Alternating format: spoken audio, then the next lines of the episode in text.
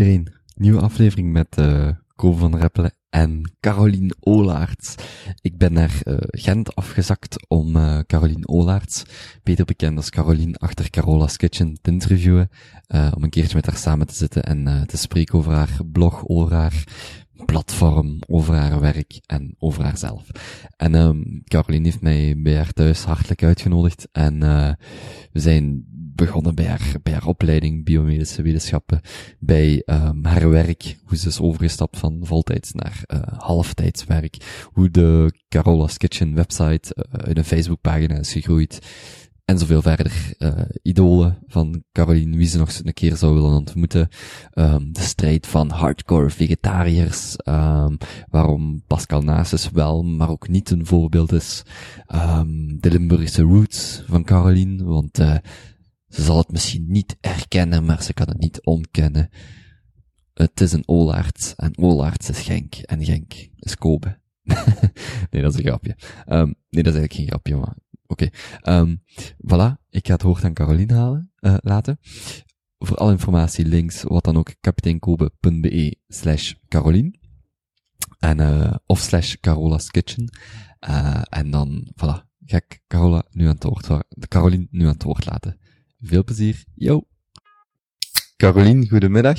Bedankt om tijd vrij te maken om uh, met mij over uw passie en over uzelf te willen spreken. Dat is graag gedaan.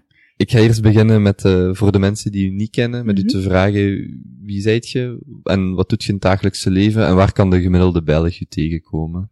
Um, ik ben dus Caroline, Caroline Olaerts van, uh, ja, als mensen mij al zouden kennen, dan zou dat van mijn blog Carola's Kitchen zijn.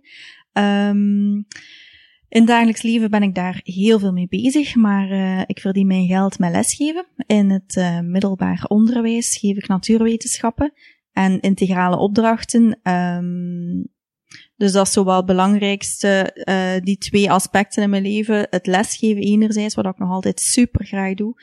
En het bloggen, het koken en het bloggen, um, waar dat, ja, de mensen mij misschien meer zullen tegenkomen dan voor de klas. Je zegt net, ik sta voor de klas. Wist je van jongs af aan al dat je les wou gaan geven? Um, toen ik klein was, wou ik ofwel lesgeven ofwel traiteur worden. Dus dat is een beetje wat ik nu doe, is toch een klein beetje een combinatie. Dus ja, ik wist wel heel vroeg dat ik voor de klas wou staan. Um, natuurlijk wou ik mijn opties wat ruim houden. Dan heb ik daarom biomedische wetenschappen gestudeerd en niet gewoon, um, ben ik niet direct voor uh, lerares gegaan. Maar toen dat dat dan uh, afgerond was, heb ik direct mijn lerarenopleiding wel bijgedaan. Dus ja, ja, dat heeft er wel degelijk altijd in gezeten. Dus eerst biomedische wetenschap en dan de lerarenopleiding en dan direct in het onderwijs gegaan? Ja, dus biomedische wetenschappen gedaan en dan, um, dan eigenlijk in het onderwijs al gegaan en, en via de avondopleiding mijn lerarenopleiding gedaan. Maar ik ben dus beginnen lesgeven um, toen dat ik bij wijze van spreken nog nooit een 16-jarige van dichtbij had gezien. Uh, zo, ga, allee, zo gaat dat dan. En dan pas ja, gaandeweg mijn lerarenopleiding afgerond.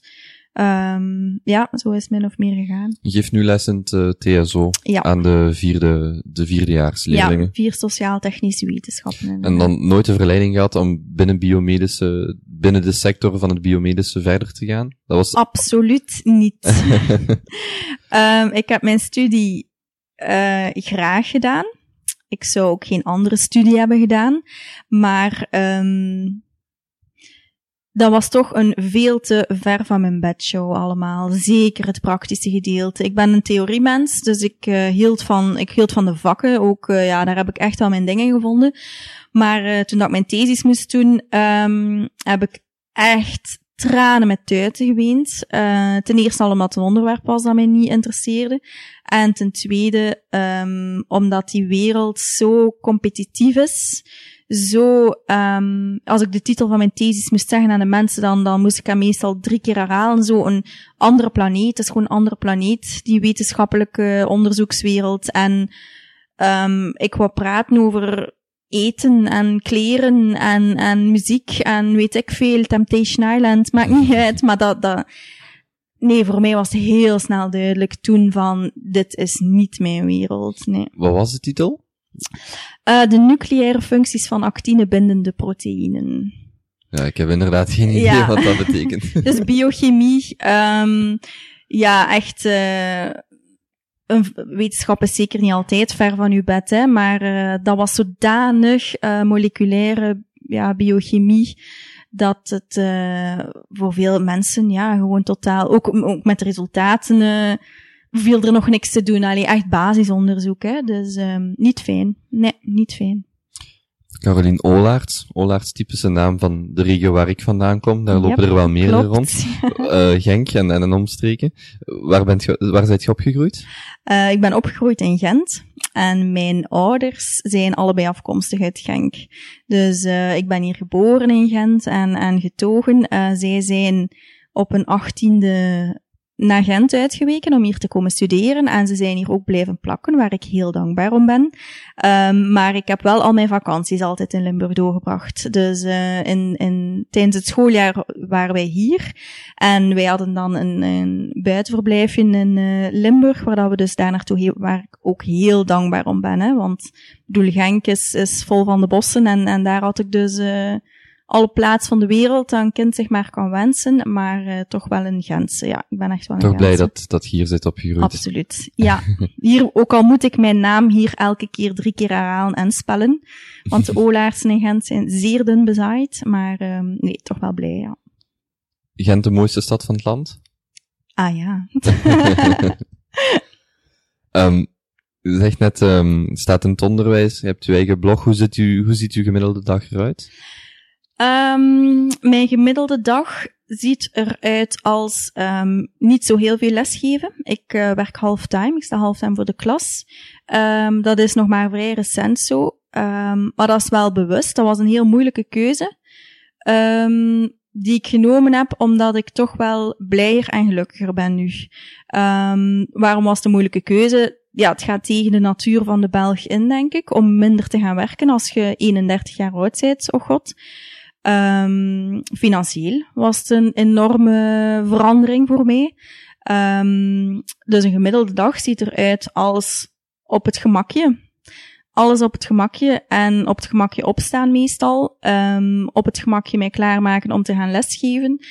Eh, op het gemakje mijn lesvoorbereidingen en verbeterwerk doen. En ehm, uiteraard altijd eh, draait het dan rond eten, hè, vanaf dat dat is afgerond. Dus op mijn gemakje koken en in het slechtste geval nog een half uur bezig met foto's en daarna koud eten opeten. Ehm, en als er tijd is, gaan lopen en yoga doen. Dus dat is zo'n beetje... En me, ja, mijn vriendinnen afspreken eh, doe ik ook heel erg graag nog altijd. Maar mijn dag is rustig. Ja, rustig. Is dat altijd zo geweest? Wist je van, van in het begin dat is al? absoluut niet altijd zo geweest. Oh nee, moest mij, moest mij vijf jaar geleden gezegd hebben dat ik hier blij en gelukkig mee zou zijn. Ik zou, ehm, ja, ik zou heel hard gelachen hebben. Nee, ik heb een tijd ehm, van mijn 26e tot dus eigenlijk vorig jaar min of meer. Dus toch ja, een viertal jaar, laat ons zeggen. Ehm, van mijn 26e, nou ja. Ehm, een viertal jaar heb ik echt op eh, een gigantisch hoog tempo geleefd, ja. Ehm, dus ik werkte fulltime. Ik deed dan ook nog een eh, avondschool, eh visagie daarbij. Dan gaf ik ook nog bijles daarbij. Dan ehm danste ik ook nog eh, ongeveer twee, drie uur in de week. Ehm, en dan ging ik uit van vrijdagavond tot zondagavond ongeveer. En ja, en ja, de tijd ertussen in het weekend dat ik wakker was, diende ook om wel ergens in de stad rond te hangen of zo. Ja, dat moest vol zijn van ja, elke minuut van de dag. Dat is nu het tegenovergestelde Oh bijna. ja, maar toen was ik ook, allee, toen werkte dat gewoon voor mij en toen was ik daar ook heel blij mee. Ehm, maar nu is dat, oh, compleet veranderd. Compleet. En wanneer besliste je dan om Carola's Kitchen op te richten? Was dat toch in die periode, die drukke periode? Ja, Carola's Kitchen was in de drukke periode, was ook helemaal niet eh, bedoeld om eh, zo'n tijdrovende bezigheid te worden als dat dat nu ondertussen wel het geval is. Ehm Carola's Kitchen heb ik opgericht, ja, in april zal twee jaar geleden zijn. Ehm, April gewo- 2014 dan. Ja, inderdaad, april 2014. En dat, dat was juist heel erg. ehm ja, ik zeg het, mijn tijd moest gevuld zijn. En dat was op een moment dat ik dacht van, wat gaan we vandaag een keer doen? Ah, blogske beginnen. min of meer is dat zo geboren. Um, omdat, ja, uiteraard mijn interesse voor eten was er al. Hè. Ik heb dus biomedische wetenschappen gestudeerd, dan in mijn laatste jaar voedingswetenschappen. Um, daarvan gemaakt, altijd bezig geweest met, met gezondheid, eten. Um, niet altijd gezond eten, maar, maar toch wel het aspect gezondheid wel belangrijk binnen dat eten. En ja, op een dag echt, oh, dat zou leuk zijn. Veel mensen stellen mij vragen, veel mensen eten mijn eten graag. Ik ga daar een keer iets mee doen. En het was eigenlijk een Facebookpagina, begonnen als een Facebookpagina, die, um, maar echt, echt zo voor de lol, voor mijn vriendinnen, voor mijn collega's, maar die dus heel snel is beginnen groeien. Dan, um, half autistisch als ik ben, ergerde ik mij heel snel aan uh, de chaos op Facebook.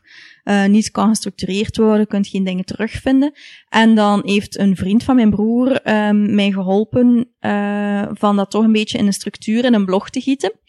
En uh, ja, toen was, toen was het schip vertrokken, of, uh, of hoe zeggen ze dat, hè? En toen is dat beginnen groeien. En hoe meer dat groeide, hoe gepassioneerder dat ik zelf werd daarin. Dus uh, ja, ik ben altijd wel iemand van extreme geweest, want toen begon mijn danscarrière zo wat, um, begon voor mij heel duidelijk te worden dat ik het dansen, dat ik daarmee klaar was. Dat mijn verhaal verteld was um, binnen het dansen. En um, ja, daarvoor was dansen mijn, mijn lang leven. En het lesgeven binnen het dansen en het organiseren van, van uh, dansshows en voorstellingen en wedstrijden meedoen, dat was daarvoor mijn lang leven. En dat is nu volledig gedaan. Er schiet echt niets meer van over, niets. Maar dat is dan, ja, ik ben blijkbaar iemand die dat nogal nodig heeft om zo echt een, een project te hebben. Hè. Dus... Wie kwam met de naam Carola's Kitchen? Um, hm. Dat is een goede vraag, omdat het dus zo in één keer boenk op een dag was van, ik heb er dus niet over nagedacht. Um, en mijn vriendinnen in dansen, want toen op dat moment danste ik wel nog. Dat was mijn laatste jaar dat ik, uh, dat ik daar een beetje aan het afronden was. Maar daar noemden ze mij wel Carola.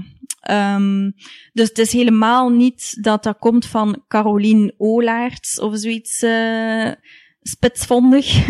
maar zij noemde mij Carola um, meer al lachend. En ik vond dat dat ergens wel klonk, want Caro's Kitchen, Caroline's Kitchen, ja, moest dat dan per se in het Engels zijn. Ik moest een naam hebben, want die Facebook vroeg daarom om die naam, dus dat is dan poef gekomen. En, en um, zou ik vandaag nog altijd diezelfde naam kiezen?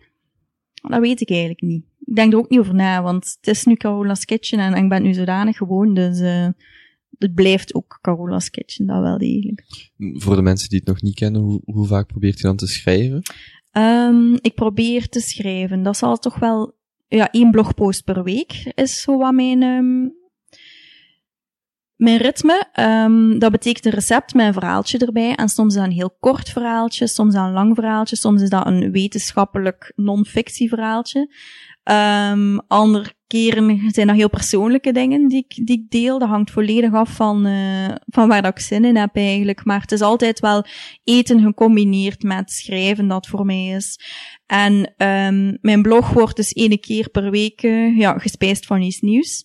Maar op mijn Facebookpagina is er wel veel meer interactie, omdat ik dan ook dingetjes deel die ik zelf interessant vind. Um, of oude recepten naar boven haal, of oude interviews, of, of krantenartikels die ik tegenkom, maakt niet uit. Dus op mijn Facebookpagina is zo eigenlijk meer het, het um, ja, zeer interactieve, ook heel leuk dat mensen zo kunnen, kunnen ja, meediscussiëren en, en mee uh, hun mening delen. Hè. Dat vind ik wel heel plezant, ja.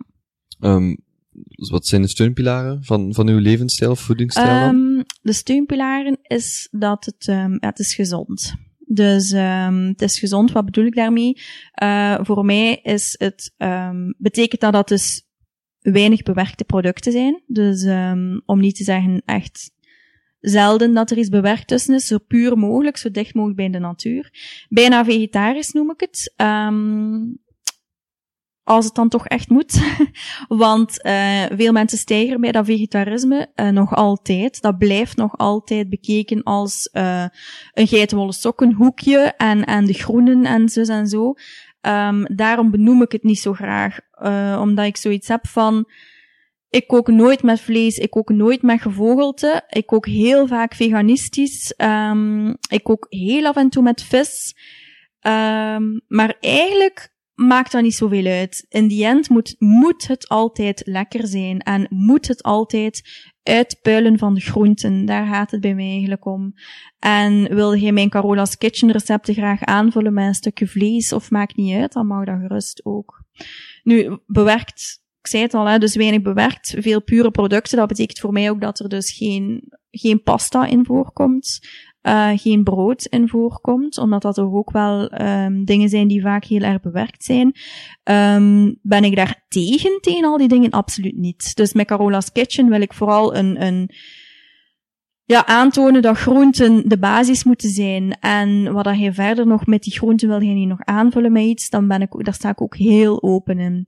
Dus ik wil zo wat het, um, de strijdende vegetariër, hè, met de geitenwolle sokken in de sandalen en zo, dat, dat imago blijft bestaan. En daar wil ik zo hard tegen gaan. Dat is echt, dat is een beetje het doel eigenlijk. En lukt dat ook? Ik heb de indruk stilletjes aan van wel. En dat, dat zijn voor mij de grootste complimenten. Als ik dus te horen krijg van, mensen die, die altijd een stukje vlees, er was heel onlangs nog iemand die reageerde van, kijk, in het begin maakte ik altijd nog een stukje vlees erbij bij uw gerechten. Um, en nu doe ik dat gelijk automatisch niet meer, omdat ik merk dat het niet nodig is. Ja, dat, dat vind ik gewoon heerlijk, hè. Heerlijk. Dan een vleeseter. Ik hoef niet te strijden. Ik hoef niet uit te leggen en te scanderen van stop met vlees eten. Dat mijn gerechten voor zich spreken, ja, dat vind ik het allermooiste compliment dat ik dat kan geven. En dat is een bevestiging voor mij dat, dat, ja, dat het dus ook zo kan, zonder uh, te schreeuwen van, ja, hoe dat allemaal moet. En ik ga het eens jullie gaan vertellen hoe dat je moet eten, dus. Waar haalt jij de mosterd? Um, als je bedoelt wel aan mijn inspiratie of welke mensen mij inspireren. Um, ja, ik bedoel niet de Carrefour of de Deleuze. Nee, dat bedoel ik. dat dacht ik wel. Um, voor mij zijn inspirerend The Green Kitchen. Dus uh, Louise en David. Van, dat zijn uh, twee bloggers. Een koppel is dat, met twee kinderen. Uh, Belgisch ook? Of, of? Nee, um, ik geloof Deens. Uh, het is een van de twee is Deens en Noors. Zo wat dat, uh, die contrainer. Um, in de blogwereld zijn die, zeker de foodblogwereld, zijn die gigantisch, maar echt gigantisch. En die veroveren nu toch wel uh, heel Europa stilletjes aan. En um, zij zijn een voorbeeld voor mij, omdat zij altijd vegetarisch koken. Um, en ik leer wel veel uit hun boeken. En anderzijds, anderzijds, hè, want uh, wat vind ik daar een nadeel? Zij koken wel op de manier ik weet niet of niet-vegetariërs overtuigd gaan zijn door hun kost. Want zij moeten naar speciale winkels en het is met sommige ingrediënten die zelfs ik niet ken. Um, dus het geitenwolle sokkengehalte is daar wel nog redelijk groot. Maar ik vind ze zo goed. Allee, hun foto's zijn ook prachtig. Langs de andere kant vind ik Pascal Naasens zeer inspirerend. Um, omdat zij met veel groente werkt en omdat zij zo eenvoudig is, zo toegankelijk voor, voor werkende moeders en, en noem maar op, mensen die weinig tijd hebben. Maar zij kookt met heel veel vlees en vis, dus alles draait er zeggen, wel. Echt een uithangbord voor vegetarisme is Pascal Nasus niet, hè? Nee, nee, nee, dat kunnen we wel zeggen. Maar dat wil niet zeggen. Maar dat, wel de overlapping van het, niet het onbewerkte Ja, voilà, de pure ingrediënten ja. eigenlijk. Puur is ook wel haar codewoord, zowat. En, en daarin volg ik haar wel degelijk um, heel erg. Dus um, ik hoop een beetje een middelweg tussen die twee te zijn eigenlijk. Um... Verklaart haar succes, denk je? Dat ze toch voor een breder doelpubliek gaat? Um, ik denk dat haar succes uh, verklaard wordt. Dit kan zeer naïef zijn, maar um, doordat zij echt, maar echt keihard staat voor wat, ze is een goede zakenvrouw, punt 1 natuurlijk, maar doordat ze echt uh, keihard gelooft in wat dat ze doet, ik heb ze al uh, even mogen ontmoeten um, na een van haar lezingen. En um, ja, mijn bewondering voor haar is alleen maar groter geworden. Omdat ik echt, echt het gevoel had van... Um, die meent het echt heel hard. En um, een breder doelpubliek, ja, als je vlees en vis serveert, dan heb je inderdaad een breder doelpubliek. Maar ik denk niet dat dat de motivatie erachter is. Dat denk ik echt niet. Um, haar succes wordt verklaard door, door haar geloof in haar zaak. denk ik, doordat het zo ja, toegankelijk is. Het, is, het, is, het klopt gewoon zo hard wat hij allemaal doet. Hè. En nu heeft ze er dan uh, muziek bij dat ze nog verkoopt en dan aan dingen, ja. Ze pakt het goed aan. Ze pakt het, het is een heel goede zakenvrouw in eerste plaats. Goed. Ja, ja, zeer goed. Een, een, een goede zakenvrouw die ook een goed product heeft gewoon, ja. Is het behalve het culinaire, dus ook het, het, het zakelijke gedeelte ook voor u een voorbeeld? Is dat een richting die je zelf ziet uitgaan op termijn? Nee. Is een voorbeeld daarin meer een, ha, hoe zal ik het zeggen? Ik vind het bewonderenswaardig, maar een voorbeeld, ik zie mezelf nooit muziek en dergelijke verkopen. Alleen voor mij blijft het toch nog altijd de kern van de zaak het eten en um, een heel klein beetje, ook al klinkt het heel pretentieus ongetwijfeld, ook een poging doen om de wereld te verbeteren. En, en met dat vegetarisme bedoel ik dan, hè, omdat ik er wel nog altijd heilig van overtuigd ben dat onze planeet het nodig heeft op dit moment, dat wij minder vlees gaan eten. En als ik, ja, dat is voor mij toch prioritair. En ook het schrijven, dus ik denk, ja, Nee, het is niet een droom dat ik heb om de tweede Pascal Naast te worden. Zeker niet. Nee, ik heb, ik heb wel andere doelen die ik, die ik, of dromen, laat me zo zeggen. Maar, um, potten en pannen gaan verkopen en muziek zijn daar geen, uh, nee, maakt daar geen onderdeel mm -hmm. van uit. Op welk moment wist je dan dat je meer met gezondheid zou moeten gaan bezig zijn? Of u daarmee, of was al van in het begin, vanaf, van kinds of jongs? Persoonlijk bedoelt je? Ja? werd je vanaf kinds af aan altijd um, met gezondheid bezig en gezonde voeding? Nee, of werd dat van nee, thuis uit gestimuleerd? Nee, ook niet echt. Het werd wel gestimuleerd, alleen bedoel, terwijl dat ik op mijn, allee, terwijl de andere kinderen op een vijf jaar wild werden over een kom chips, die dan even op tafel verscheen, um, stonden er voor mij speciaal zwarte olijven en radijzen naast. Omdat ik daar gewoon meer, allee, ik, ja, gaf de voorkeur aan die olijven en die radijzen in plaats van aan die chips. Um, dus ik was wel een beetje anders dan, uh, dan de andere kindjes op dat vlak.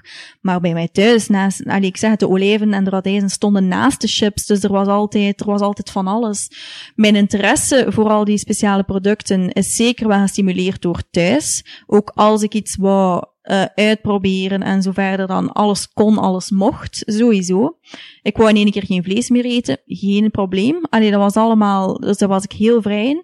Maar gezondheid heeft daar nooit een rol in gespeeld. En het is pas um, later, mijn tienerjaren, dat dat veel, veel belangrijker werd voor mij.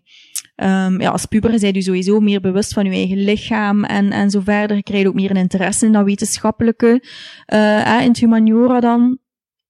En um, mijn studie voor biomedische wetenschappen was ook uh, toen, maar toen had ik, toen ik mijn studie voor biomedische wetenschappen heb aangevangen, um, had ik overgewicht en, en ja, het is pas daarna eigenlijk, en zelfs toen ik voedingswetenschappen dan deed, nog altijd overgewicht. En um, ja, pas later ben ik daar eigenlijk dus meer bewust mee bezig mee bezig beginnen worden. Ik ben altijd, altijd een gigantische groenteneter geweest, maar daarnaast evengoed, naast die berg groenten had ik evengoed taart en al van die daken. En nu nog altijd trouwens, maar gewoon net iets, iets gematigder dan toen. Uh, dus ja, is een beetje vanzelf gekomen eigenlijk. Niet zo één mega keerpunt of zo, nee. -hmm. Bepaalde misconcepties die mensen, is tweedelig, die mensen rondom Carola's Kitchen hebben, en in het algemeen. Mm. Want Carola's Kitchen toch niet dat ik meer bewust van ben, denk ik. Misschien kun jij mij dat beter zeggen dan, uh, nee, dan misschien men, nee, misschien heeft u feedback gehad van, uh, van mensen die bijvoorbeeld zeggen, ja, dit en dit klopt niet, of zo en zo. Of oh. krijgt u ook tegenwind? Um, of voelt je dat niet zo? Ik voel ze niet, in alle geval. Um, ten eerste zou ik die tegenwind ook direct uh, uitschakelen. Wat bedoel ik daarmee? Het is mijn blog. En ik ben ook heel duidelijk, dit is mijn levensstijl waar dat ik mij goed bij voel. En um, ik denk dat ik daarom ook geen tegenwind krijg, want ik heb echt zoiets van, ik zeg het, maak jij vlees daarbij, maak jij nog pasta daarbij, doe maar. Allee, doe, alsjeblieft, doe. Um, wilt je alles exact doen? Dus ik ben heel open-minded daarin. Heel open-minded. Ik geloof ook absoluut niet in de aanpak van ik ga u een keer vertellen wat dat jij moet doen. Misconcepties rond gezonde voeding. Oh, waar zal ik beginnen, hè? Het allerbelangrijkste, um, ik denk dat dat twee aspecten zijn. En enerzijds is het uh, huidige misverstand dat want gezonde voeding, laten we even neonozel doen. Ik bedoel, obesitas blijft ook een gigantisch probleem vandaag. En uh, daar wil ik neonozel over doen. Dat is ook wel iets dat onder de aandacht moet gebracht worden. Um, en dat is meteen het eerste misconceptie, vind ik, van calorieën zijn niet meer belangrijk. Kijk, nog een verschil tussen mij en Pascal Nasus, is dat zij dat dus wel degelijk pretendeert van, net zoals vele anderen, hè, van calorieën doen er niet meer toe als het maar gezond is. Uh, ja, ben ik, kan ik niet meer tegen zijn tegen die, tegen die opvatting. Hè? Want uh, gezondheid is super belangrijk. Maar iemand die iets aan zijn gewicht wilt of moet doen, die moet wel degelijk calorieën tellen. Dus dat vind ik een zeer grote misconceptie. Vandaag de dag uh, wordt alles maar verkocht onder het mom van het is gezond. En mensen zijn dan verbaasd dat ze, dat ze, niet, dat ze geen gewicht verliezen ja, als ze bergen noten en, en hopen zalm eten en zo verder enzovoort. En ik vind dat zeer jammer. Ik vind dat echt zo jammer voor die mensen die dan zo hun best doen en echt oprecht denken dat ze dus um, zeer goed bezig zijn en toch geen resultaten daarin zien. Dat, dat vind ik een zeer groot misverstand. En de tweede misconceptie hangt daar misschien een beetje mee samen. Um, dat is dan meer marketinggewijs, als we weggaan van die pure ingrediënten. Hè. Um, ja, wat brol wordt er allemaal niet verkocht. Voorverpakte brol, echt. Rommel, chemische rommel. Maar een iets of wat aantrekkelijke verpakking en erop staat suikervrij en glutenvrij en het, ja, gaat als zoete broodjes letterlijk over de toonbank. Ja, afschuwelijk. Daar, uh, ja, vind ik echt afschuwelijk. En hoe was het dan voor uzelf logisch om, om uw levensstijl om te gooien? Um, ze, dat is dus ook, die keuze of ja, die, die... zeer geleidelijk aangekomen. Ja, ik heb geen overnight um, mentaliteitsverandering gedaan. Dat is zeer geleidelijk aangekomen. Dus het vlees eten, ja, dat is al lang zo. Maar um, gaandeweg kleine, kleine dingetjes veranderd en daar toch altijd een goed gevoel aan overgehouden hebben. En automatisch uh, begon dat dus, um, ja, begon, beginnen dan, ik ga niet zeggen verder gaan, maar dat, dat gaat gelijk automatisch. Dus bijvoorbeeld in het begin, um, toen ik dan jaren geleden een eerste kookboek van Pascal Nasus onder mijn neus kreeg, hè, dus met die combinatietheorie, ik weet niet of dat je daar iets van, uh, hè, dus geen eiwitten met, met koolhydraten combineren. Goed, ik maak haar recepten gewoon. Hè. Ik had dat toen nog niet echt uitgepluist, die theorie. Ik maak haar recepten en ik doe dat ook effectief zo. En ik merk wel van, oh fijn, eigenlijk, eigenlijk is dat wel fijn. Hè, want drie uur later voel ik dat mijn maag terug begint te werken en, en aangenaam. Dus dan eet je af en toe wel nog een keer pasta, maar dan niet met kaas erbij. Of je eet dan wel, een stuk vis, maar niet met nog een keer aardappelen erbij. Dus gewoon op die manier een beetje, een beetje kopieergedrag, zal ik maar zeggen. Je je daar goed bij. En dan begint het toch wat uit te, uit te vissen. En dan die pasta, um, gaandeweg merkte ik van oké, ik eet eigenlijk wel liever dan mijn stukje vis of mijn kaas of mijn eitjes in plaats van pasta of brood of aardappelen. En, en aangezien dat ik toen zo'n beetje dus in die, um, in die ontdekkingsfase zat, zal ik maar zeggen, van die twee zo wat iets of wat gescheiden te houden, koos ik stevast voor die vis of die, of die eitjes of die, of die kaas.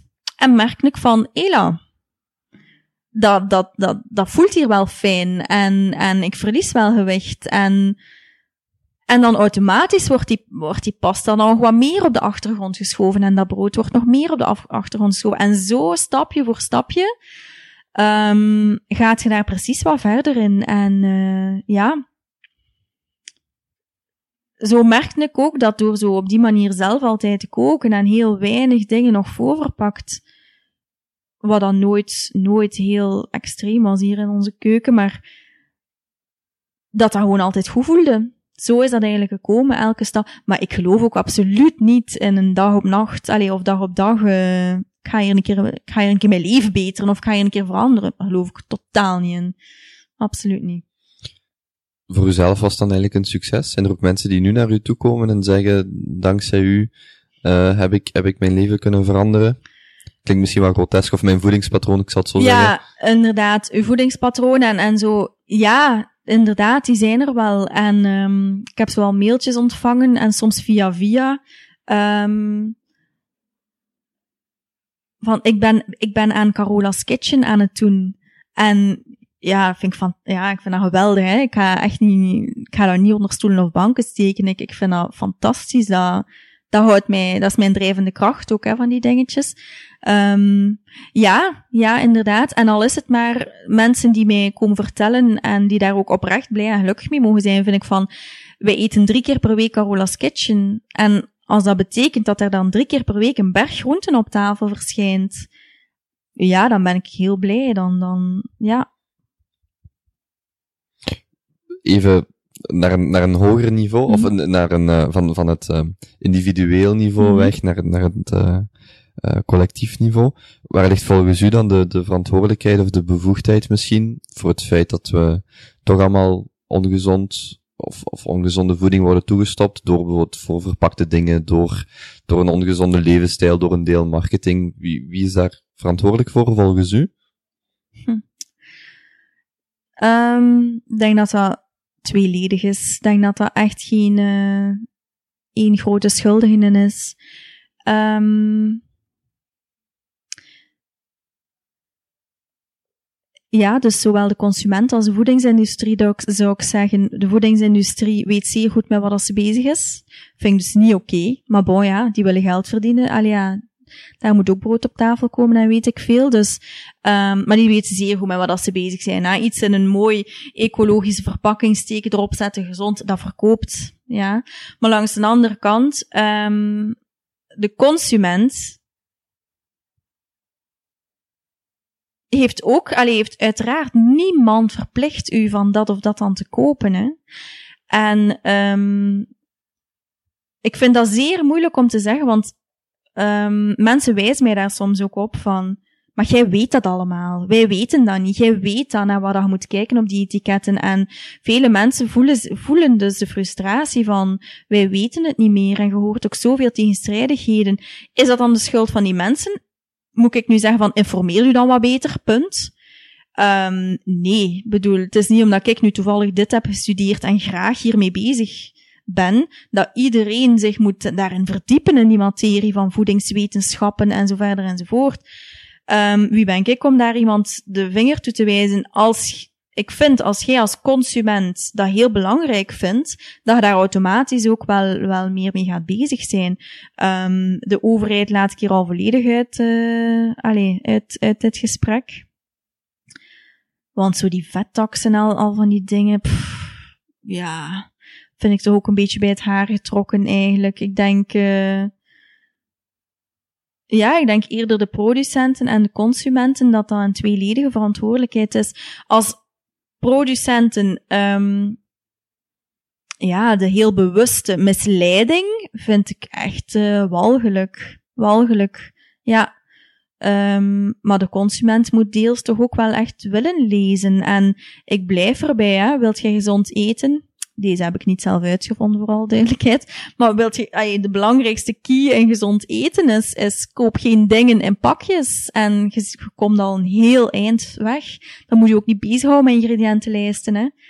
Ja, op tomaat hangt er geen, uh, geen etiket met uh, hoeveel water en zo verder dat erin zit. Ja, wat heel veel uh, mensen ook niet weten, of wat ik wel, wat ik ook op voorhand niet wist, is dat de, de ingrediëntenlijst op een Mhm. verpakking, dat die gerangschikt is naar in het Van begin wat, weinig, ja, van ja. veel naar weinig. Ja. En dat het eigenlijk heel gemakkelijk is om gewoon naar een verpakking te kijken en te zien dat uh, een, aantal um, Mhm. voedingsmiddelen die daarin zitten eigenlijk veel meer um, of een veel groter deel uitmaken van die voeding Ja. dan andere. Ik, Ja. wist dat bijvoorbeeld niet, totdat iemand mij dat zei. En toen, dan wordt natuurlijk ook heel anders, duidelijk. hè. Ja. Maar zie, je moet er al bijna voor gestudeerd hebben, tussen aanhalingstekens, om, uh, om een verpakking te kunnen lezen.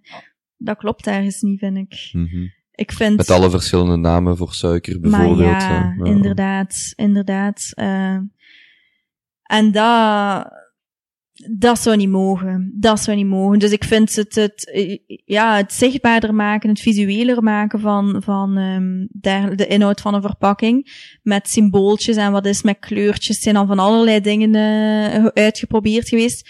Ik vind dat een goede zaak. Ik vind dat een goede zaak. Het moet vertaald worden ergens. Je kunt niet verwachten dat elke consument volledig op de hoogte is van hoe dat zo'n etiket gelezen moet worden. Ja.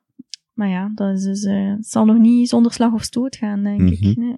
Je had het net over een aantal mailtjes of berichtjes die je van Mhm. mensen krijgt dat dat motiverend is. Mhm. Hoe moeilijk, of, of hoe, in, in welke mate zit je bezig met uitbouwen of uitbreiden van je publiek? Ehm, alles gaat voorlopig nog organisch. En dat vind ik, ehm, ja, zo wil ik het ook wel nog houden. Dus dat betekent dat eh, de bal rolt. En het is fijn dat een, een sneeuwbal is die dus aan het vergroten is van zijn ei, terwijl dat hij aan het rollen is. Ehm, dat het is pas daardoor, door die sneeuwbal die altijd maar groter werd, dat ik ook begon door te hebben van, hé, ik ben hier blijkbaar met iets bezig waar dan niet alleen ik enthousiast over ben. Ehm, want ik zeg het, ik ben eraan begonnen, maar echt hals over kop, geen enkel plan, geen enkel doel voor ogen, behalve ik ga mij een keer even amuseren met iets. Ehm, natuurlijk, die sneeuwbal wordt groter en groter en dan begint er wel natuurlijk dingen te, te broeden. Hè? Dan, dan beginnen er dingen zich wel te ontwikkelen, ideeën en dromen in mijn hoofd. Ehm, Potten en pannen. eh, nee, is geen potten en pannen, maar, eh, maar ze zijn dus al de revue gepasseerd, ook in mijn hoofd. Maar ik heb nog geen enkel concreet plan, geen enkel. Dus voorlopig blijft die sneeuwbal groter worden en ik laat die maar gaan. Ik denk ook niet dat die in één keer tegen een gigantische boom gaat rollen of zo. Ehm, want ik blijf gewoon doen wat ik doe. En, en ehm, er zijn momenten geweest dat ik mij heel erg focuste op mijn lezers, of op mijn fans, of volgers, of hoe dat je ze ook wilt noemen. Ehm, dat ik daar te veel rekening mee hield. En daardoor verloor ik zo'n beetje mijn pad eigenlijk. Dus, eh, ehm, want dat werkt niet, denk ik. Als, ik moet in de eerste plaats dingen doen waar ik zelf heel hard in geloof. En want kan dat ook heel goed zien, hè. Fans komen en gaan. Dus er zijn zeker ook uh, heel wat mensen die terug weggaan, die eens komen kijken naar Carola's Kitchen en die dan toch niet een ding vinden, die dan ook weggaan. Even goed, allee, dat, dat, dat is even goed natuurlijk, hè. Um, maar elke fan die erbij komt, maakt mij heel erg blij. En elke die weggaat, maakt mij, stelt mij een beetje teleur, um, of doet mij een beetje pijn. Maar ik blijf voorlopig mijn ding doen en ik heb de indruk nu wel dat dat goed gaat. Maar een concreet, een concreet uh, toekomstbeeld, nee, voorlopig nog niet. Dus, maar wel iets, wel iets, dat wel. Dus voor mij speelt Carola's Kitchen nu zo'n danig grote rol in mijn leven, um, dat wel fijn zou zijn om dat ook professioneel te kunnen uh, een plaats geven. Allee, dat Meer nog als lesgeven? Um, 50-50. Zo zie ik het voorlopig. Ik denk niet dat ik ik haal zoveel voldoening uit het lesgeven, uit het contact met, met die jongeren. Um, ik sta zeer graag voor de klas. Ik babbel graag. En dan is dat heel fijn om, om ja, met hen te communiceren en, en, en uitleggen en peet te tekenen, als in het Gent zeggen. En dus voorlopig zie ik het niet uh, voor mij dat ik mijn lesgeven echt zou opgeven. Nee. Um, maar ja, moest ik het 50-50 kunnen verdelen. Um, wat ik nu doe, maar ik word er natuurlijk niet voor betaald. Hè? Dus ik heb nog echt geen halve euro verdiend met Carola's Kitchen. Um, wat dan niet erg is. Ik doe het graag. Ik doe het, ik doe het omdat ik mij amuseer. En ik doe het voor mijn plezier. Maar het zou fijn zijn moest ik dat dus professioneel een plaatsje kunnen geven. Ja, dan, dan toch ja. Ondertussen schrijft je wel voor andere magazines, gelijk bijvoorbeeld Charlie Ja. magazine, waar ik direct aan denk. Ja. Um, komt daar veel respons op? Um, nee, eigenlijk niet. Wat ook een klein beetje de bedoeling was, is te zeggen, um, de Charlie-lezers en lezeressen uh, en de Carola's Kitchen-lezers en lezeressen, ik denk dat de gemeenschappelijke deler daar super klein is. Dus ik denk echt dat de overlap tussen die twee werelden heel, heel, heel minimaal is. En dat is voor mij is Charlie dus echt een uitdaging. Voor mij is Charlie um, een uitlaatklep, een uitdaging, iets dat mij scherp houdt, ook echt wel. Um, En, en, maar echt veel respons? Nee, eigenlijk niet zo heel veel. Ik moet zeggen, op mijn eerste, het, blijft ook redelijk zakelijk daar wel. Dus te zeggen, mijn artikels, um, ik schrijf ze op mijn manier, maar ze blijven vrij objectief. Allee, vrij objectief. Dat is mijn, eh, ik, nu, ik wil dat wel nuanceren. Maar, um, dus nee, ik heb veel meer respons, veel meer interactiviteit um, bij, bij Carola's Kitchen. Wat is uw beste artikel dat je tot nu toe geschreven hebt? Voor Carola's Kitchen? In het algemeen. Of voor Carola's, of voor ja. Charlie, of voor anderen. Bij Charlie was dat zeker en vast mijn eerste. Um, en dat heeft ook wel over gewoon eten, waarin dat ik dus heel erg um, ook de, gezond, de huidige gezondheidshypes wil nuanceren. Um, en op Carola's Kitchen, ook dit is ja, een beetje mijn schaamrood op de wangen dat ik dat zeg, maar ik kijk daar eigenlijk niet naar. Dus ik weet min of meer hoeveel bezoekers mijn, mijn website heeft. Maar ik ben zo weinig bezig met die cijfers en die statistiekjes, uh, momenteel. Um, maar ik moet wel zeggen dat als ik, uh, als ik eens goed doorspreek of zo, of als ik mijn persoonlijke kant laat zien, dat dat wel de dingen zijn waar mensen toch het beste op reageren. En uh, om dan maar even te denken in termen van um, Facebook likes en reacties en bereik, Facebook bereik bijvoorbeeld, dan denk ik aan, ja, toen dat mijn mama gestorven was, daar het stuk dat ik daar rond geschreven heb, uh, is er heel veel reactie op gekomen. Um, tips werken ook goed. Dus als je mensen echt concrete tips geeft in plaats van een recept, uh, tips voor groenten, meer groenten te eten enzovoort, dat zijn wel dingen die, die heel goed werken. Ja, dus dat zijn dingen die, waar ik merk dat er heel veel reactie op komt. Maar ik ben er weinig mee bezig. Mm -hmm. Ja. Ik ga het u toch vragen. Pak einde, of pak midden 2017. Dat is uh, een jaar ongeveer. Hoe zou je, je zegt net 50-50. Uh, is dat voor de korte, uh, hm. hoe zeggen ze dat? Voor de korte termijn, termijn, zo, ja. of, of lange termijn? Of? Um, ik denk eerder lange termijn. Ik ben uh, altijd al een laadbloeier geweest. En ik denk dat dat nu ook zo gaat zijn. Ja, ik denk dat ik um, daar echt wel tijd voor nodig heb om, om uh, mij echt te smijten daarin. Want Carola's Kitchen is mijn baby. En als ik daar echt mee naar buiten ga komen, dan bedoel ik geld mee wil verdienen.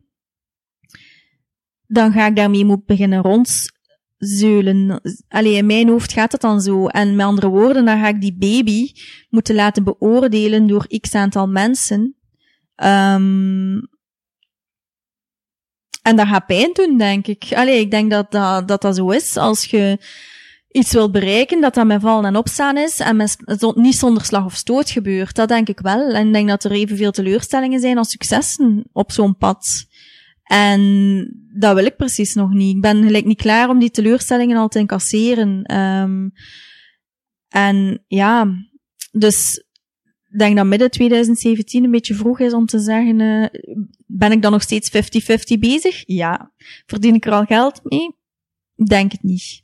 Um, wil ik binnen vijf jaar nog in deze situatie zitten? Dus eh, lesgeven en puur puur voor mijn plezier um, vrijwillig met Carola's Kitchen bezig zijn, dat zou ik wel jammer vinden. Ja, dan zou ik wel teleurgesteld zijn in mezelf in de eerste plaats, want ik denk dat het echt aan mij ligt. Ik die naar buiten ga moeten komen, ik die um, ga moeten aankloppen op een paar deuren als ik uh, wil bereiken wat ik kan bereiken daarmee, ja. Even weg van Carola's Kitchen en, mm -hmm. en algemeen. Um, hoe ziet uw ideale weekend eruit? Hm. Mijn ideale weekend breng ik niet door hier in Gent. Uh, mijn ideale weekend in breng Genk? ik ook niet in Genk. Ah.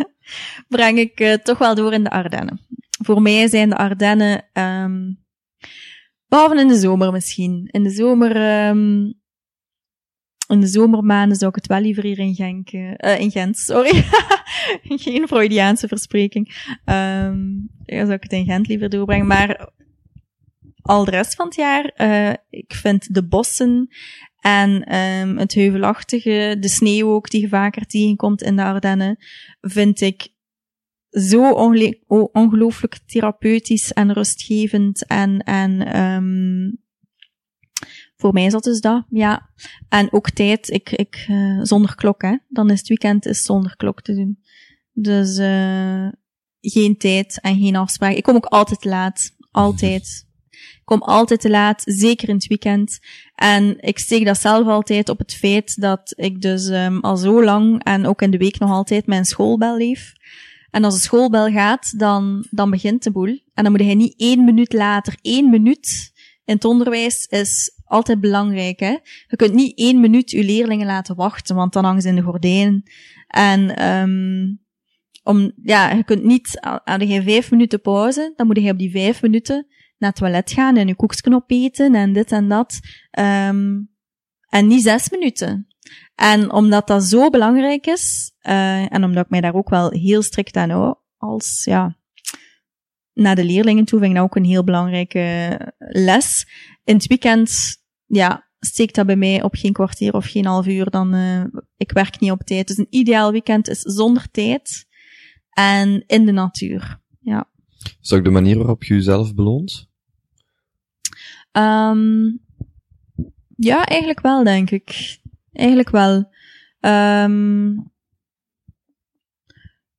en dan heel letterlijk gewoon ergens van... Uh, want dat kost natuurlijk ook geld. Allee, bedoel, het is niet dat ik een of ander tweede huis in Dardenne heb staan. Dus ook om, om naar daar, om dan echt even weg te zijn. En um, dus letterlijk is dat dan wel een momentje van... Uh, ja, kom, we gaan naar daar en, en, en ontspannen daar. Ja, zeker wel. Je zegt net, Carola's Kitchen is uw baby. Je zit 31, je hebt al kinderen? Nee. Uh, plannen? Nee, ook geen plannen. Absoluut nee. niet. Dat zeg ik ook niet. geen concrete plannen. Ja. Um, ik laat dat wel een beetje gebeuren. Ja. Op dit moment, uh, nee, is er nog niets, is er nog geen klokje aan het tikken. Nee, toch niet. In welke mate steunt uw partner dan u, bij, uw, bij uw levensvisie of uw uitdagingen? Um, mijn partner die steunt mijn, mijn hobby, mijn project Carola's Kitchen voor 200%. Um, omdat hem zelf heel erg overtuigd is van, uh, van mijn verhaal. Um, laat me zo zeggen dat uh, hij wel heel graag een stuk vlees eet. Maar, um, en hij zag het ook als een complete onmogelijkheid om zijn voedingspatroon te rijmen met dat van mij. Ik zag daar weinig problemen in, want ik was heel overtuigd van mijn eigen kookkunsten. En um, momenteel voelt hij dus zelf wel de effecten van mijn manier van eten. En um, dus op, ja, hij is gewoon overtuigd geweest geworden uh, door, door het eten van mijn eten. Wat niet wil zeggen dat hij, geen dat hij vegetariër is, hè, voor alle duidelijkheid. Hij eet nog wel steeds vlees, maar het zal toch niet hier aan mijn tafel zijn. um, dus uh, die, steunt mij, die steunt mij volledig, omdat hij echt overtuigd is ook van... Uh, jij bent met iets bezig dat goed is, dat wel iets waard is, ja. Moest geld geen probleem zijn? Wat zou je dan doen? Um, ik ben blij dat ik daar niet direct op kan antwoorden. Um, want dat wil zeggen dat ik toch behoorlijk tevreden ben. Weinig, denk ik. Ik denk dat ik weinig zou veranderen. Ik zou niet eens verhuizen, denk ik. Moest geld geen probleem zijn? Oké, jawel, ik weet het wel. Um, dan zou ik wel degelijk een eigen uh, onderkomen in de Ardennen kopen. Ja. En dat ook volledig uitbouwen. En, um, en wat bedoel ik met uitbouwen? Um, daar een, echt een mini-droom uh, wegvluchtplekje van maken.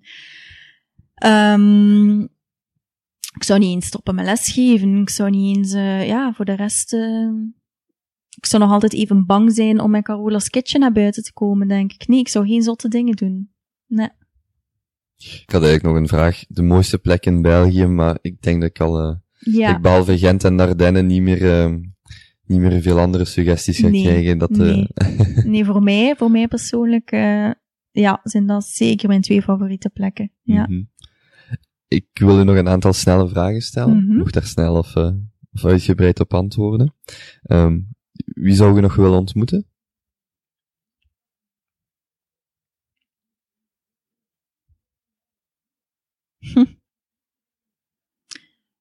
Als ze ook dood mogen zijn, ja, dan zou het mijn ouders zijn natuurlijk. Ja. Als ze nog moeten leven? Als ze nog moeten leven, ehm hm.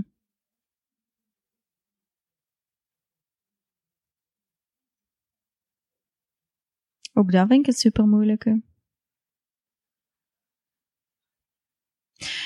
Het hangt ervan af wat dat we onder ontmoeten verstaan. Hè. Als het echt is voor mocht er een dag mee doorbrengen bijvoorbeeld, dan zou het misschien wel Pascal Nasus zijn. Als het is van hallo, salut, um, handtekening, ben ik eigenlijk weinig geïnteresseerd in mensen. Dus um, ja. Geen groten der aarde, dan niet. Geen, geen grote rolmodel of... Um, nee, nee, idolen. nee. En, alleen wel, pff, ja, rolmodellen. Nee, zeker niet die te veel van mijn bed staan. Als ik iemand zou willen ontmoeten, dan zou dat echt zijn om iets van te leren. Om echt heel concreet iets van te leren. Praktisch bedoel ik dan. Um, over wereldproblematieken en filosofieën. Zit mijn eigen hoofd zo vol van gedachten, heb ik echt momenteel geen nood om, om daar nog dingen bij te proppen, visies van anderen. Dus het zou heel concreet eerder zijn, ja. Mm -hmm. Je haalde net uw ouders aan. Waren mm -hmm. zij ook altijd, uh, stonden zij ook altijd achter uw keuzes om bijvoorbeeld halftijds te gaan werken, om ja. uh, van biomedische toch in het onderwijs te gaan? Ja. Um, zij stonden achter die keuzes omdat ze gewoon een blind vertrouwen hadden in mij. Ze stonden niet achter die keuzes omdat ze dat zelf voor mij zouden gekozen hebben altijd. Um, maar mijn ouders, die, die hebben, allee, onze ouders hebben ons opgevoed op een zeer open manier. En elke keuze die wij maakten, bevroegen zij wel, allee, dus het is niet dat ze hun mening niet deelden, dus ze bevroegen ons wel steeds van, um, om even te polsen en te toetsen van, van waar komt die keuze. Um, soms werd ook wel duidelijk van oké, dit is niet de keuze van mijn vader of mijn moeder, maar ze steunen ons wel steeds echt 100% in alles. Ook in die weinig, ja, weinig conventionele keuzes zoals eh, halftime gaan werken of wat dan ook. Um, of zoals mijn broer die meer met muziek bezig is. Allee, dat zijn niet altijd de makkelijkste keuzes die, of niet de meest voor de hand liggende keuzes ook uh, op gebied van liefde hebben, hebben wij, wij drie niet altijd de meest voor de hand liggende keuzes gemaakt. En uh, toch, toch. Wij drie, de drie kinderen. Ja, de drie kinderen. Ja, ja, ja. Dus op dat vlak um, kon ik mij geen betere ouder, ouders wensen. Nee, absoluut niet. Heb je een uh, favoriet boek? Boek dat iedereen gelezen zou moeten hebben? Oh. Ik heb een favoriet boek. Geen boek dat iedereen gelezen zou moeten hebben. Ja, mijn favoriet boek is um, op dit moment verandert ook gewoon echt zo vaak. Um, als ik er één moet uitpikken, zal dat van Lina Dunham zijn. Ja, um, Not That Kind of Girl. Maar die is gek in haar hoofd, dus dat is echt geen boek dat ik iedereen zou aanraden. Maar dat is wel mijn favoriete boek, ja. Ik voel mij net iets minder raar als ik dat boek lees. En dat vind ik wel super fijn. Kun je dan met haar identificeren? Ik, ik ken het boek nee. niet, dus... Uh... Uh, zij is... Ik weet niet of je Lena Dunham kent. Die naam dat zegt de, me iets. Dat is de... Onder andere de, de, het brein achter Girls, de serie Girls. En ook de hoofdactrice in de serie Girls. Um, en ook al heet de serie Girls, dat is niet het uh, stereotype Happy Happy Joy Joy serie dat je daar misschien mee voorstelt. Um, zij is zo ongelooflijk taboe doorbrekend en zo ongelooflijk trekt zij zich geen fuck echt aan van wie dan ook. En tegelijkertijd is ze zo onzeker en zo bereikbaar en stelt ze zich zo kwetsbaar op. Ik vind dat gewoon een zeer inspirerend persoon. Ah, kijk, voilà, die wil ik ontmoeten. die wil ik ontmoeten. En haar boek um, is, is langs de ene kant zeer kwetsbaar ook, maar ook zeer grappig, want ze is ook gigantisch grappig. En, en zeer raar, hè. Ze laat echt zonder schaamte in haar, in haar hoofd kijken en dat is niet altijd even, um, rooskleurig wat daar terug te vinden is. Dus um, daarom vind ik dat een fantastisch boek, ja. Je zei daar straks in het gesprek dat je ook aan yoga doet. Is dat een, een, een hobby, een, een sport? Een hobby. Een hobby. Ik vind yoga, um, yoga is een sport, maar uh, yoga is meer dan een sport, want voor mij is dat toch wel um, mentaal haal ik daar echt wel heel veel rust uit. Ja. Um, als ik wil zweten en wil mijn hart voelen pompen, dan ga ik lopen. En um, yoga is voor mij echt een moment om tot rust te komen. En um, ik hou ook zo van de stretching en van... Nu, je hebt yoga en yoga. Hè. Je hebt uh, duizend en één vormen van yoga. En dan nog een keer per duizend en één vormen, duizend en één lesgevers. En ik denk dat de klik heel belangrijk is. Want de yoga die ik momenteel doe, is vinyasa yoga. En ik heb een superjuffrouw Vicky. En, um, Hey Vicky. ja, die, um, die, um, die mij net niet kwijt is. Want als je net iets te veel begint over energieën en chakras, dan, nee, dan uh, ben ik weg. En zij doet dat zo net genoeg om toch de yoga spirit te behouden en om het tot rust komen en bewust worden van jezelf en, en deels mediteren ook ergens. Maar net niet te veel om de wetenschappelijke Caroline Olaerts uh, naar buiten te zien wandelen. Dus uh, yoga is voor mij zeker mentaal in de eerste plaats, ja. Mm -hmm. Je staat zelf in het middelbaar onderwijs. Mhm. Mm -hmm. um, is er een middelbaar vak dat je zou verplichten? Een nieuw vak dat in het leven moet geholpen worden? Iets waar, een vak waar de gemiddelde middelbare student. Ja, ik denk dat ik dan toch binnen mijn ding moet blijven van, van voeding en er bestaat van alles over voeding. Hè. Ik bedoel, bij mij in STW krijgen ze nu toch nog ietsje pietje van uh, voeding, maar um, dat is niets dat je in de praktijk kunt gebruiken, vind ik. Je leert een beetje koken en dan wordt er op een bepaald moment ook geleerd wat proteïne en koolhydraten en zo zijn. Maar gelijk dat je daarnet zei, een etiket van de voeding lezen. Ja, tot op zekere hoogte. Maar ik vind dat, um, dat daar toch te weinig aandacht voor is. Voor, voor, ik weet niet, op een of andere manier voor het dagdagelijkse leven vind ik dat er heel weinig ik vind ik dat er meer groene, groene ideeën op school zouden moeten, zouden moeten doorgegeven worden aan de leerlingen. Want wij gaan er altijd maar vanuit van thuis, thuis, thuis. Maar thuis krijgen kinderen geen objectieve dingen mee. Geen object, dat is altijd gekleurd en gefilterd door de ouders. Wat dat prima is, maar soms wil ik zo ook graag een andere kant van de medaille. Ik hoor soms ouders spreken, 16-jarigen, die hun ouders eigenlijk citeren als we een verhitte discussie hebben over vegetarisme of over um, de afvalproblematiek. Dat zijn zo'n beetje mijn twee stokpaardjes tijdens mijn lessen. Um, of over antibiotica gebruik, weet ik veel. Dan hoor ik dat die kinderen daar dingen van opgevangen hebben. Dan hoor ik ze dus ook heel overtuigd bepaalde argumenten aanhalen die ik zo meteen kan onderuit halen. Wat dat fijn is. Ik vind dat leuk, zo van die discussies.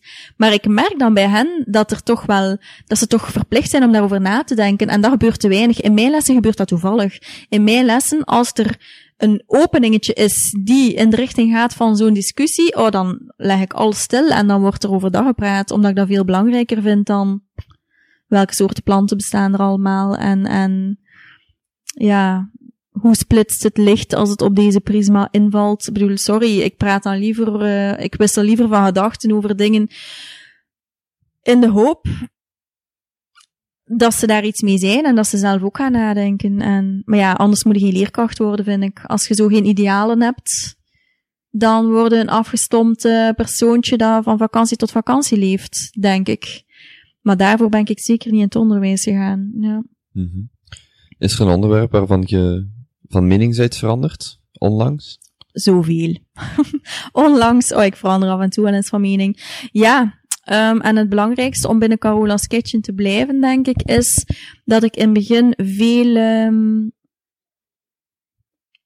extremer was denk ik. Als ik het zo mag. Extreem is een vies woord, hè. Maar um, zwart-wit er was. Ja, in het begin toen ik begon,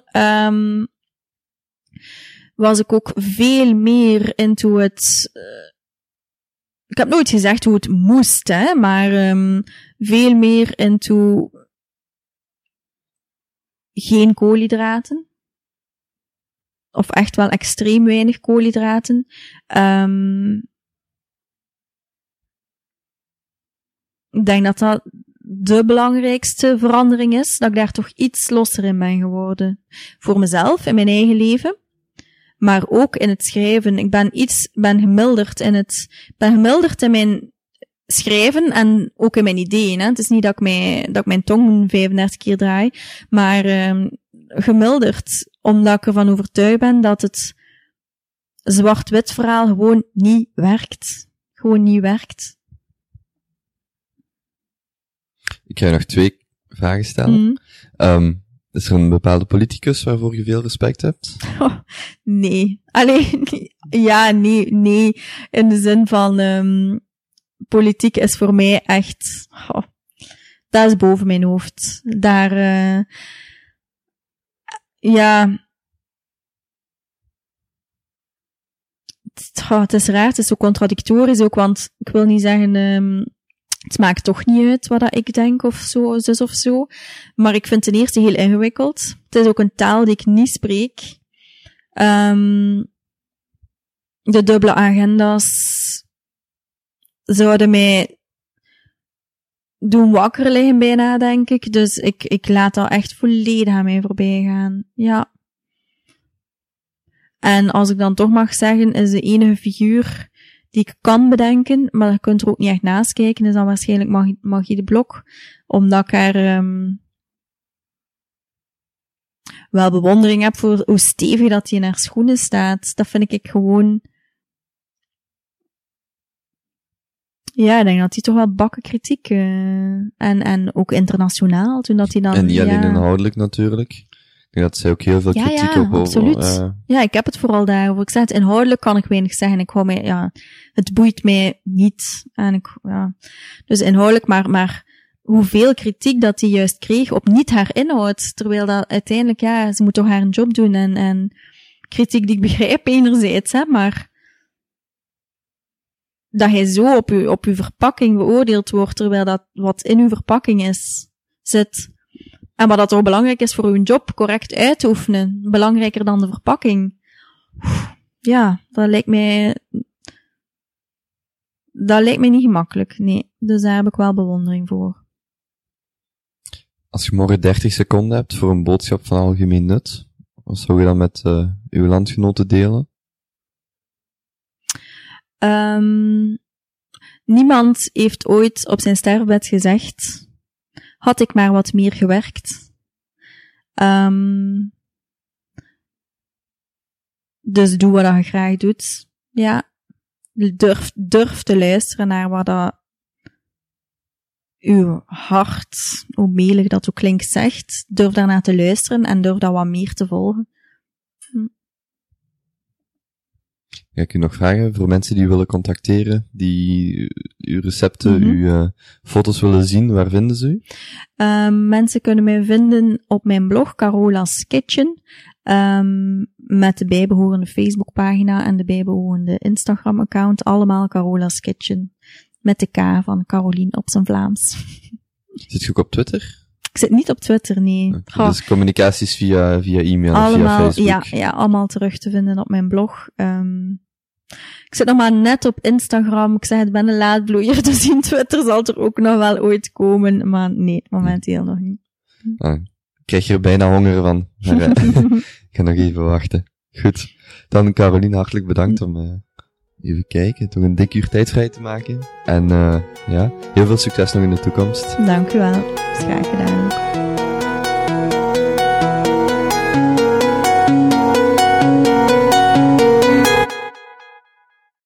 Hey iedereen, dit was mijn gesprek met Carolien Olaerts van Carola's Kitchen. Check up slash Caroline of slash Carola's Kitchen. En dan kom je bij, uh, kom je bij de links, de informatie en alles uh, uit het interview.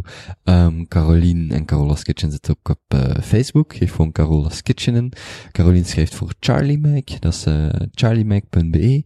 Um, carolaskitchen.be. En Carola's Kitchen op Instagram voor zalige foto's over heerlijk eten. Voilà, dit was het. Um, laat Caroline zeker iets weten. Je weet nu waar je haar kan vinden. En uh, wel, dan bedank ik u voor het luisteren. En wens ik u een heel leuke dag toe. En zien we elkaar, horen we elkaar binnenkort voor een nieuwe aflevering. Yo!